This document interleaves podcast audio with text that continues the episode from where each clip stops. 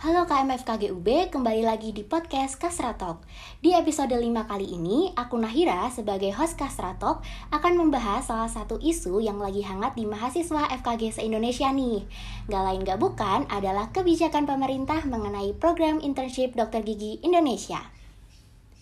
Hari ini aku nggak sendirian, tapi kita akan dengerin juga insight dari dua narasumber dengan sudut pandang yang berbeda-beda pastinya.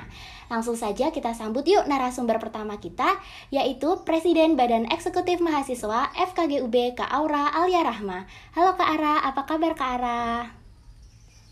Halo Nahira, Alhamdulillah sehat. Nahira gimana? Alhamdulillah aku sehat juga nih Kak. Uh, Kak Ara gimana? Udah siap banget dong pasti buat ngobrol bareng di podcast kali ini? Udah dong, udah siap jelas. Karena internship ini kan salah satu hal yang sangat mengejutkan ya di kalangan anak-anak FKG gitu. Jadi pasti bakalan seru banget buat perbincangan kita pagi hari ini. Oke, di sini aku juga mengundang salah satu dokter gigi lulusan FKGUB yang baru saja belum lama ini mendapatkan gelar dokter gigi, yaitu dokter gigi Nabila Kusuma Wardani. Halo Kak Nabila, apa kabar Kak? Halo Nahira, baik kabarnya. Iya nih, baru banget dapat gelar dokter gigi dan ini bakal jadi apa ya peserta internship batch pertama juga gimana kak rasanya? Mungkin uh, senang deg-degan atau mungkin nervous gitu kak? Udah ada nama dokter gigi di depannya kayak gitu. Iya agak percaya percaya nggak percaya gitu loh. Kayak aneh awalnya. Ternyata bisa selesai gitu. Tapi ya gimana lagi kan kayak harus dilalui gitu nggak sih bener banget kak Oke, mungkin karena kayaknya sih para pendengar udah gak sabar dengerin diskusi asik kita kali ini, langsung saja yuk kita ke inti agenda. Berbicara tentang program internship dokter gigi di Indonesia atau yang sering disingkat PIDGI pastinya menumbuhkan berbagai insight dari masing-masing pribadi. Sebelum kita bahas lebih lanjut, mungkin teman-teman di sini ada yang belum tahu nih apa sih program internship dokter gigi Indonesia itu. Mungkin kepada Kak Ara bisa dijelasin sedikit nih Kak uh, secara umum apa itu PIDGI dan mungkin bisa dijelaskan secara uh, menggunakan bahasa yang um, bisa diterima teman-teman gitu Kak. Dipersilahkan. Oke, okay, terima kasih banyak Nahira buat pertanyaannya. Jadi untuk PIDGI atau kita biasa sebut itu PIGI itu program internship dokter gigi Indonesia yang mana program internship untuk dokter gigi ini sebenarnya udah dicanangkan cukup lama teman-teman. Mengingat kalau misalkan kita lihat di FK, uh, eh, sebagai perbandingan kita mengambil FK itu mereka emang udah menjalani program internship ini sejak lama. Pun sebenarnya FKD pun harusnya juga sudah diterapkan sejak lama. Yang mana untuk peraturan uh, Permenkesnya itu keluar pertama kali di tahun 2013. Tapi bedanya kita sama FK memang dari FK sudah berjalan cukup lama ya dari tahun 2010-an, sedangkan dari kita sampai saat ini itu masih dalam tahap perancangan, perancangan, perancangan. Di tahun 2017 itu dari Kemenkes sudah mengatakan kalau untuk uh, internship bagi bagi calon dokter gigi bagi dokter gigi ya yang udah lulus itu memang sudah pasti akan dilaksanakan. Tapi setelah di follow up bertahun-tahun kemudian baru menemui titik terangnya di tahun 2021 yang mana internship untuk dokter gigi itu memang fix akan diselenggarakan. Nah, terus apa sih PIGGI ini gitu? Kenapa sih kok kita tuh perlu banget ada internship bagi dokter gigi ini gitu? Sebenarnya program internship ini awalnya memang uh, lebih di lebih keras untuk dicanangkan mengingat kemarin kita telah menjalani masa pandemi ya kurang lebih dua tahun yang mana untuk mahasiswa profesi itu sendiri tentu banyak pengurangan requirement tentu banyak uh, apa ya kemudahan yang bisa mereka dapatkan untuk mendapatkan gelar dokter gigi itu. Dan menurut beliau beliau-beliau yang ada di Kemenkes dengan adanya internship untuk dokter gigi ini akan sangat membantu gitu untuk menguatkan dan juga menunjang kemampuan-kemampuan uh, dokter gigi yang baru saja lulus untuk siap untuk terjun di masyarakat gitu. Nah, Namun untuk pelaksanaan internship ini sendiri karena memang ini masih perdana ya atau PG ini masih perdana bagi dokter yang sudah lulus, maka uh, untuk pelaksanaannya masih sangat amat-amat dipantau gitu. Jadi belum uh, semudah itu untuk dilepas oleh Kemenkes supaya uh, pelaksanaan ke depan untuk beberapa kali batch itu masih dievaluasi dan juga hasilnya seperti apa itu yang nanti yang akan menjadi patokan kita ke depannya apakah kita bisa menyesuaikan internship kita dengan FK atau tidak itu namun untuk perbedaan-perbedaan dari internship FK maupun FKG itu pasti jelas ada Oke, terima kasih Kak Ara. Uh, mungkin dari Kak Nabila uh, bisa dijelaskan atau mungkin ada pendapat sendiri Kak tentang internship ini, dipersilahkan. Iya, wah keren banget sih. Karena kemarin aku lihat-lihat nih kayak dapet kesempatan buat ngobrol atau diskusi langsung bareng Kemenkesnya gitu kan ya. Jadi mungkin um, dapat apa sih sumber aslinya gitu. Kalau dari aku sebagai orang yang akan menjalani internship, um, aku seneng banget sih sebenarnya ada internship ini karena benar yang tadi disebutin Ara, kalau misal koas tuh ada pengurangan requirement karena pandemi kan. Dan itu seneng karena um, koasnya gampang lulusnya gitu kan ya, karena cari pasiennya dikit. Karena kendalanya di koas itu juga cari pasiennya itu, cari pasiennya itu susah. Kalau misal pasiennya udah siap, kita siap kok kerja banyak itu siap gitu, karena itu juga bakal nambah pengalaman kita gitu kan. Dan karena tadi udah dikurangi requirement-nya, terus kita lulus, kita cuma dikit dong portofolionya kayak kamu udah kalau misalnya kita ngelamar kerja terus ditanya kamu udah ngerjain berapa pasien, nah kita kayak sedikit minder gitu jawabnya karena ada beberapa um, requirement itu dikerjakannya di Phantom gitu. Dan dengan adanya program internship ini um, seneng banget sih, semoga itu bisa nambah portofolio, bisa nambah pengalaman, walaupun rasa-rasanya itu kayak ah kok nggak ada endingnya ya? Maksudnya masih ada kelanjutannya gitu loh. Setelah lulus bukannya langsung kerja nggak um, terikat sama apa pun itu tetapi masih ada rangkaian lagi yaitu internship itu itu sih menurutku Oke, terima kasih ya Nabila. Wah, keren banget sih.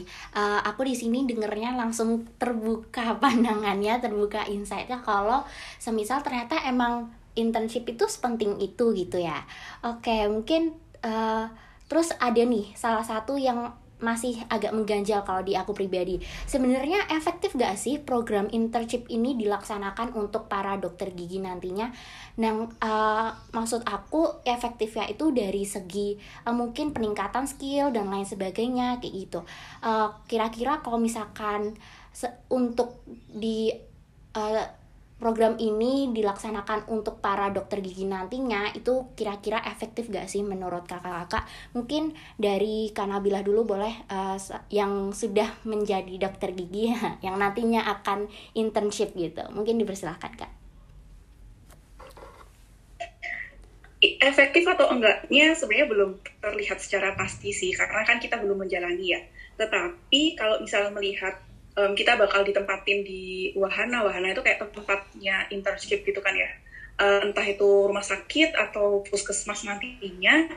Terus kita dapat requirement juga misal harus menyelesaikan um, aku baca di akunnya apa PSMKGI gitu kan ya. Ini boleh sebut gak sih? Um, jadi kelihatan tuh requirementnya kayak pencabutan terus penumpatan komposit GIC dan lain sebagainya um, berarti kita harus ditarget kita bisa melakukan itu nggak um, cuma sekali kayaknya ya berkali-kali dan itu pasti bisa nambah skill banget. Karena kalau misal kita nggak pakai internship uh, kita ngelamar kerja langsung ke klinik atau ke puskesmas itu bisa dibilang nggak um, bakal nemu pasien sebanyak ketika kita internship gitu. Karena kita sebagai dokter gigi fresh graduate gitu ya pasti dokter gigi seniornya juga mungkin ya kayak kamu jangan ngerjakan ini dulu kamu jangan ngerjakan ini dulu masih lihat-lihat gitu kan. Tapi kalau misal internship um, kita harus ngerjain itu gitu. Jadi um, itu bakal seru sih menurutku ya. Bayanganku sekarang yang belum menjalani internship ini kayaknya bakal seru sih karena kita ditantang um, harus menyelesaikan beberapa kasus gitu sih. Tapi ada pertanyaan juga sih ya karena itu kan time base 6 bulan gitu ya. Terus um, yang muncul di pikiranku itu kalau misal kita nggak menyelesaikannya itu kayak gimana gitu sih itu yang masih aku pertanyaan Oke, terima kasih Kak Nabila. Mungkin ke ke arah selanjutnya dipersilahkan Kak. Oke, kalau seberapa efektifnya adanya internship ini, aku setuju banget sama Kak Nabila. Kalau memang kita belum bisa mengatakan apakah internship ini nantinya akan efektif atau tidak gitu. Apalagi untuk uh, sesuatu yang baru seperti ini ya, itu pasti kan bakalan banyak banget gitu uh, kekurangan yang mungkin bisa kita evaluasi ke depannya untuk kita jadikan uh, internship ini tuh menjadi lebih baik ke depannya gitu. Jadi untuk melihat apakah dia efektif atau tidaknya mungkin memang belum bisa kita simpulkan buat saat ini gitu. Tapi kalau kita lihat dengan adanya PIKI ini, mungkin ini bisa jadi peluang yang besar juga ya buat para dokter gigi gitu. Karena mungkin memang selain ya seperti yang disampaikan Kak Nabila sebelumnya, pastinya jelas akan menambah kompetensi dan juga pengalaman dari dokter gigi yang baru saja lulus. Itu juga bisa uh, pertama kita bisa memperhatikan pelayanan kesehatan gigi dan mulut di Indonesia ya, yang mana untuk di Indonesia itu sendiri itu memang untuk FKG-nya itu masih belum merata dan rata-rata emang masih terpusat di Jawa gitu. Jadi dengan adanya PG ini itu pasti jelas akan lebih merata harapannya seperti itu. Dan juga kedua, yang kedua itu pasti bisa menciptakan lapangan kerja baru ya buat dokter gigi. Karena dengan adanya PG ini walaupun kita emang statusnya nih kita sebagai anak magang ya, kita anak internship tapi uh, dengan kita mengikuti kegiatan PG ini kita bisa um, apa ya istilahnya mengkonversi ini tuh sebagai pengalaman kerja kita gitu. Jadi kalau misalkan ada dokter gigi yang baru saja lulus dia mau lanjut ke spesialis. Nah, yang mana untuk lanjut ke spesialis itu harus ada syarat minimal pengalaman kerja minimal satu tahun. Nah, seperti itu. Nah, dengan dia mengikuti internship selama enam bulan ini, berarti dia tinggal cari kerja di luar itu ibaratnya cuma tinggal enam bulan aja. Gitu. gitu. Jadi ini ya yang jelas ini insya Allah itu sangat memudahkan gitu dan mencerahkan masa depan gitu ya kali.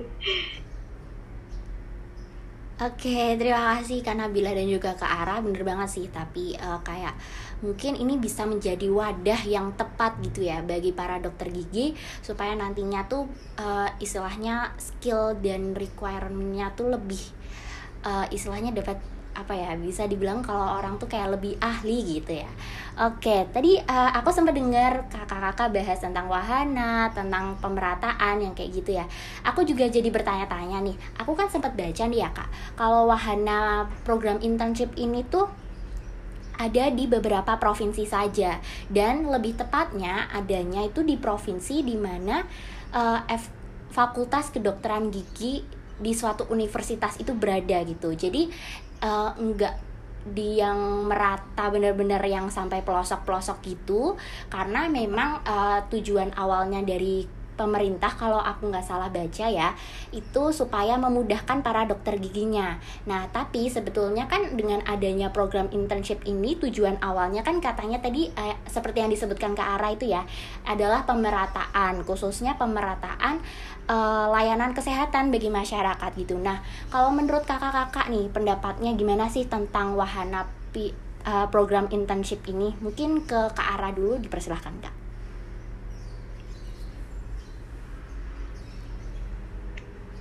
Oke, okay, untuk wahana program internship ini memang benar.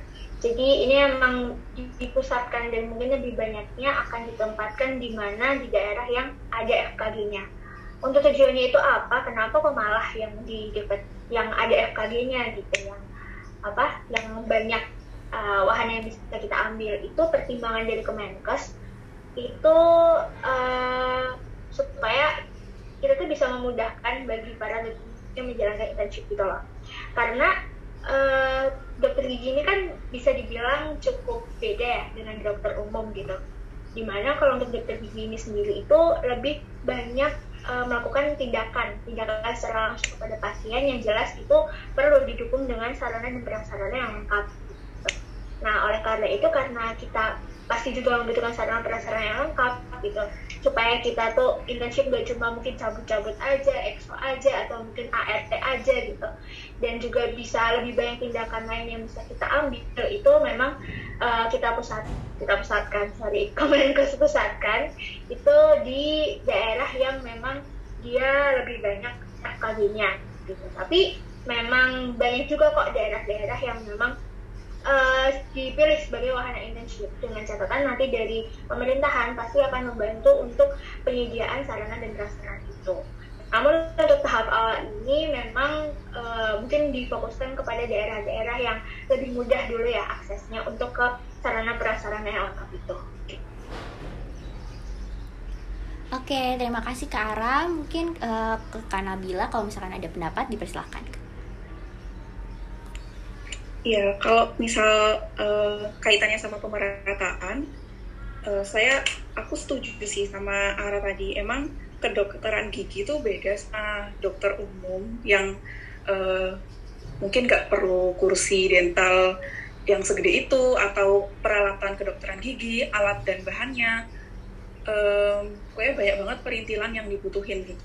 Kalau misal kita misal kerja di suatu provinsi yang di situ tuh nggak AG, nggak ada dental laboratorium, nggak ada toko alat kesehatan yang menjual bahan-bahan kedokteran gigi itu akan punya kesulitan tersendiri gitu sih. Terus kalau misal internship ini kan masih uh, pertama kalinya gitu ya buat dokter gigi, mungkin ke depannya juga nggak nggak membatasi sih kalau misal bakal terus berkembang ke provinsi-provinsi yang lain sampai menyeluruh di seluruh Indonesia gitu cuman emang butuh um, kesiapan entah dari Kemenkesnya atau dari um, puskesmas rumah sakit setempat untuk menyediakan alat bahan kedokteran gigi itu untuk menunjang internship dokter gigi yang ada di uh, daerah-daerah pelosok gitu sih. Jadi kayaknya masih proses sih Nahira. Jadi awalnya di kota-kota yang kebanyakan ada kedokteran gigi tapi ada juga kan kayak tiga atau lima tempat gitu yang nggak ada FKG-nya tapi dijadiin tempat internship. Terus kalau misalnya udah dievaluasi mungkin ya tahun depan atau beberapa tahun ke depan gitu bisa aja merata ke semuanya gitu. Jadi emang butuh proses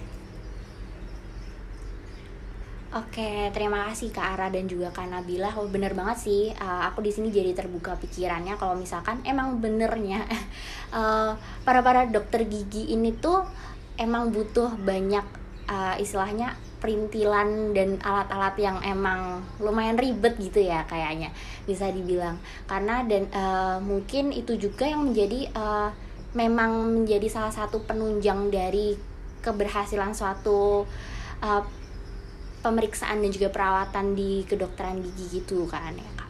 Oke, uh, mungkin uh, selanjutnya aku juga uh, ini kak pernah baca tentang insentif atau hak bantuan biaya hidup dari dokter gigi yang akan diberikan selama program internship. Nah, kemarin se pengetahuan aku baca dari beberapa artikel dan juga beberapa berita gitu ya tentang PIDGI ini yang nantinya kita sebagai dokter gigi akan uh, diberi insentif sekitar uh, kurang lebih 3 jutaan 3 juta 150 ribu untuk yang di Sumatera Jawa NTB dan Bali. Kemudian yang selain itu akan mendapatkan insentif sebesar 3 juta 622 ribu rupiah. Nah uh, aku sempat baca beberapa pendapat dari masyarakat gitu yang khususnya mungkin uh, ada di kehidupan uh, mahasiswa FKG gitu ya. Nah, jadi uh, aku sempat baca beberapa pendapat bahwa uh, ada yang berpendapat kalau misalkan enggak di seluruh um, di seluruh wilayah di yang uh, Sumatera, Jawa, NTB dan Bali itu biaya hidupnya itu setara gitu maksudnya gimana ya jadi di uh, beberapa wilayah kayak Sumatera Jawa NTB dan Bali itu ada beberapa provinsi khususnya yang ada di wahana yang uh, dicanangkan Kemenkes untuk PIDGI ini itu memiliki taraf hidup yang mungkin bisa dibilang cukup tinggi. Tapi untuk insentif yang diberikan itu um, kurang lebih ya mungkin kalau pendapat orang bisa bilang cuman 3 juta gitu. Tapi aku masih belum tahu sih ini sebenarnya kalau menurut kakak-kakak ya ini uh, sekitar uh, insentif yang diberikan dari pemerintah ini menurut pendapat kakak-kakak apakah mencukupi dan memadai untuk uh, istilahnya bantuan hidup gitu selama program internship?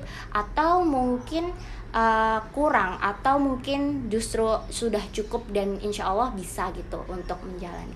Kalau misalkan dari pendapat kakak gimana? Mungkin dari kak Nabila dulu boleh kak dipersilahkan. Untuk bantuan biaya hidup, kalau misal aku bandingin sama yang FK ya, yang aku baca tuh di FK tuh um, di luar kota itu kayak tiket terus um, sama tempat tinggalnya itu yang bisa di reimburse atau kayak di apa sih di dibalikin gitu duitnya sama um, kemenkesnya gitu. Mungkin sama ya kalau misal di FKG ntar jadi nominal 3 juta 150 itu kayak bakal pas banget sih. Maksudnya um, kayak kalau kita ngekos gitu nggak sih? Jadi mungkin duitnya bakal habis buat tempat tinggal buat transport sama makan sehari-hari gitu. Jadi kalau misal mau menabung tuh kayak harus um, ya pintar-pintar berhemat gitu ya. Kalau misal aku nanya ke senior seniorku yang fresh graduate dentist juga uh, kata kata kakak-kakaknya itu ini lumayan banget um, dapat segitu sebagai fresh graduate gitu. Karena fresh graduate terus kita kerja sebagai dokter gigi itu um, gajinya kecil banget guys. Jadi nggak um, nggak bakal bisa sebanyak ini gitu loh kalau misal di Malang tuh gajinya juga bisa sampai um, ratusan ribu aja jadi gaji 3 juta 150 untuk di Pulau Jawa itu kalau untuk anak daerah ini itu udah cukup banget. Mungkin itu bakal kurang kalau misal kita tinggal di kota-kota besar kayak misal Jakarta atau gimana gitu ya. Yang kosannya aja mungkin udah 2 juta sendiri gitu.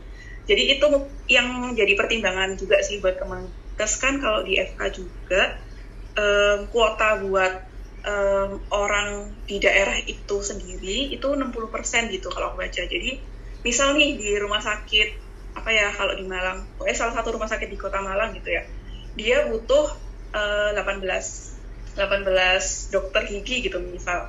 Nah, dari 18 itu 60 persennya pasti orang-orang Malang gitu. 40 persennya baru yang dari luar kota gitu. Jadi itu bisa jadi apa ya? Emang pantas sih kebanyakan um, di wilayah sesuai KTP-nya masing-masing. Karena ya itu salah satu apa ya? Salah satu tips buat um, gaji 3 juta 150 itu cukup buat hidup gitu menurutku ya Oke kak, terima kasih. Mungkin kak Ara ada pendapat lain, mungkin dipersilahkan kak. Oke, terima kasih Nahira. Sebenarnya ya benar yang bilang kak Nabila. Kalau dibilang cukup atau enggak sih, insya Allah cukup ya. Cuma alangkah lebih baiknya kalau bisa nambah kenapa enggak gitu kan soalnya dulu itu uh, dari komunitas awalnya itu yang dicanakan itu dia menyentuh angka 5 juta bahkan lebih besar dari 5 juta untuk daerah yang uh, lebih jauh ya daripada kota-kota besar dan uh, ternyata kemarin waktu hasil konsolidasi terakhir dengan Kemenkes ternyata yang dikeluarkan itu sekitar 3 juta. Itu menurutku ya emang sangat ngepres sih kalau misalnya kita ngomongin biaya hidup ya. Terutama apalagi di kota-kota besar gitu. Cuma kalau misalkan memang uh, dihitungnya kita sebagai fresh graduate itu ya udah lumayan cukup besar lah ya. Apalagi juga dibandingkan dengan FK gitu itu sebenarnya memang lebih gede FK gitu. Gitu sih. Tapi uh, untuk sejauh ini emang ada rencana untuk terkait penambahan bantuan biaya hidup. Cuman ya kita tunggu aja ya. Semoga bisa menyentuh angka lebih besar daripada yang sekarang Oke, terima kasih Kak Ara dan juga Kak Nabila. Bener-bener ya yang di oh, bener banget yang diomongin Kak Nabila sama Kak Ara tadi. Kalau misalkan uh, mungkin angka segitu bisa dibilang cukup bagi beberapa orang, tapi ada yang mungkin bisa dibilang, aduh kayaknya kurang deh karena biaya hidupnya yang uh, memang cukup tinggi gitu ya. Jadi memang uh, angka ini bisa dibilang uh, relatif gitu ya bagi setiap orang dan itu bisa dibilang kayak uh, berbeda-beda gitu ada yang cukup ada yang kurang ada yang mungkin bisa aja karena hemat banget orangnya jadinya lebih gitu bisa buat nabung Oke, mendengar pendapat dari kakak-kakak tadi barusan membuat apa ya? Khususnya kalau aku sendiri pandangan aku lebih terbuka sih terkait uh, pandangan dari mahasiswa dan juga dokter gigi yang akan menjalankan program internship ini yang sudah dicanangkan pemerintah tentunya. Mungkin dari Kanabilah atau Kak Ara ada closing statement, mungkin dari Kanabilah dulu boleh dipersilahkan. Oke, okay, kalau closing statement ya dari aku uh, sebenarnya aku nanggepin yang Ara tadi juga sih, yang apa namanya kalau bisa naik kenapa enggak? Itu juga gak apa-apa sih. Karena lumayan banget loh gaji 5 juta itu lebih dari UMR di kota Malang ya nggak sih? Allah pasti bakal ber, ber banget kalau misalnya nambah. Closing statementnya apa ya?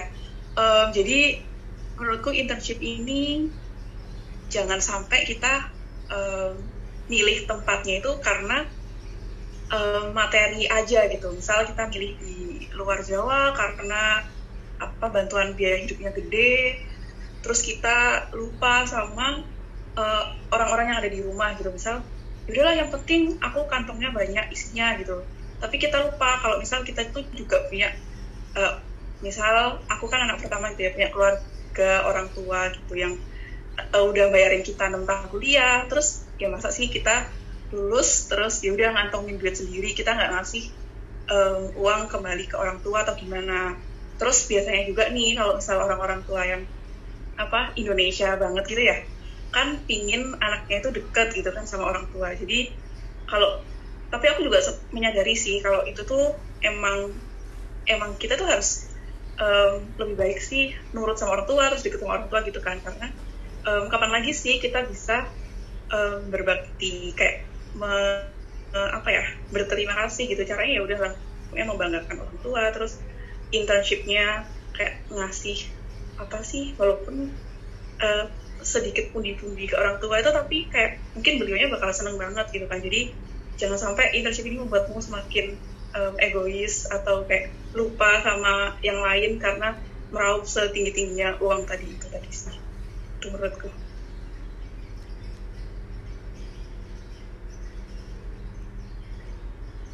Oke, terima kasih ya Nabila. Mungkin dari Kak Ara ada closing statement, dipersilahkan. Oke, terima kasih banyak Nahira. Untuk closing statementnya, mungkin aku di sini sebagai mahasiswa preklinik juga ya Mas Ihan dan juga mungkin masih sangat jauh gitu kalau misalkan kita ngomongin internship.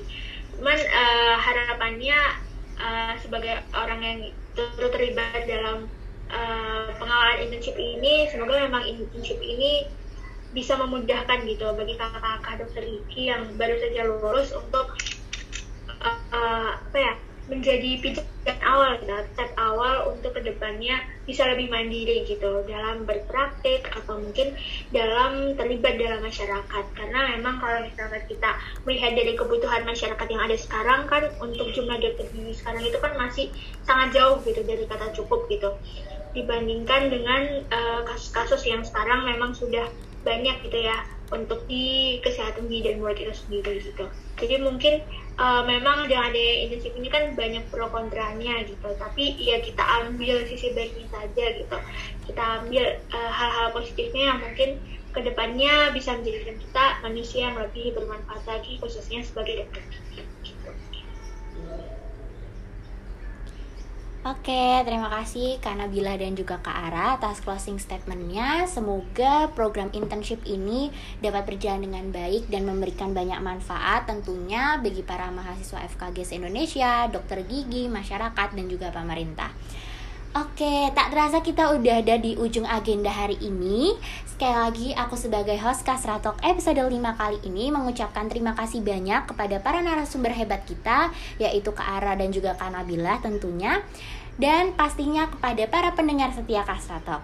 Aku Nahira Fatima Azahra, Kak Ara dan Kak Nabila pamit undur diri dulu ya. Sampai jumpa di Kasratok episode berikutnya. Bye bye. Mungkin Kak Nabila Kak Ara bisa bye bye juga buat para pendengar semuanya. Bye bye. Bye bye. Bye bye guys. Terima kasih banyak.